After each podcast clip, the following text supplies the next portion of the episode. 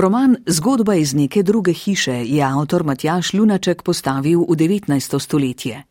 Specifični literarni komponenti, zgodovinska čas in prostor, postavljata roman v zanimiv dialog s sodobnostjo. Glavnemu protagonistu Martinu sledimo iz rodne vasi na Južnem Moravskem, natančneje iz vasi Boskovice prek Prage, kjer je obiskoval Karlovo univerzo, do neznane vasi na Slovenskem, kjer najde svoj novi dom. Žanrsko bi bilo roman v 34 poglavjih mogoče označiti za razvojni roman, nemško Entwicklungs oziroma Bildungsroman, kot je znan iz obdobja nemških klasičnih romantikov. Prek zgodbe glavnega junaka, katerega življenje spremljamo od rojstva do smrti, se prepletajo pedagoški in vzgojni elementi. Matjaš Lunaček pa v duhu svojega primarnega poklica prek zgodbe predvsem ponazarja zakonitosti človekove nravi in psihe. Zlasti pa ugotavlja, kako je življenje zapleteno prav za vse, tudi za tiste, ki so, kot njegov junak Martin, obdarjeni z vsemi zemeljskimi darovi. Po uvodnem orisu okoliščin Martinovega otroštva in najstništva, za katero se zdi, da si ga je kljub težkim odnosom s sorojenci neverjetno samostojno krojil in gradil, nas tretji osebni vsevedni pripovedovalec hitro postavi v na novo zgrajeni dom na slovenskem. Kljub zaprtosti in ruralnosti okolja sredi gozdov in ljudi, ki ga obdajajo, Martin najde prostor zase in si ustvari družino. V vzgojo vzame dva fanta iz vasi, ki izhajata iz skoraj enake tragične družinske situacije, zaznamovane z revščino in alkoholizmom, ter postane njun učitelj in oče.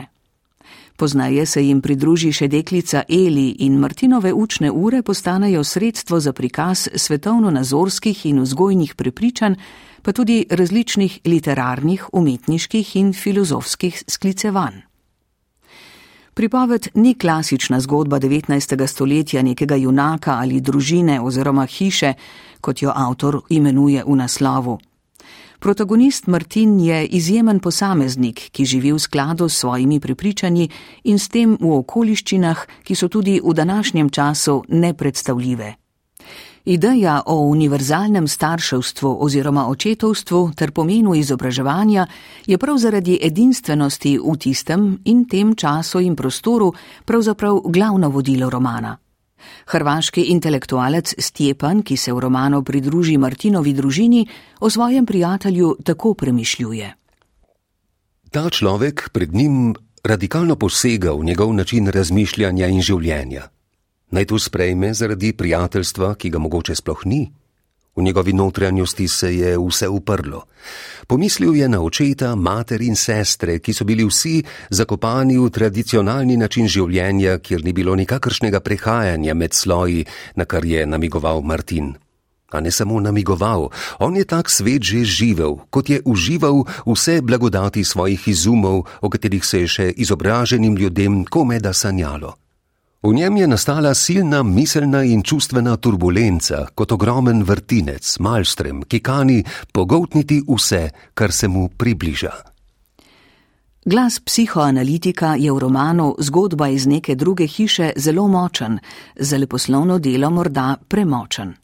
Pripoved je sicer kronološka, a z občasnimi retrospektivami je tekoča, Za večjo učinkovitost pa ji manjka žlahtnost karakterizacije in z njo prepričljivost zapletov, ki se v zadnjem delu knjige pospešeno in usodno stopnjujejo do epiloga. Ta prinaša odrešenje in upanje v naslovno hišo, tisto, ki kot življenje s smrtjo in rojstvom vedno znova postaja druga.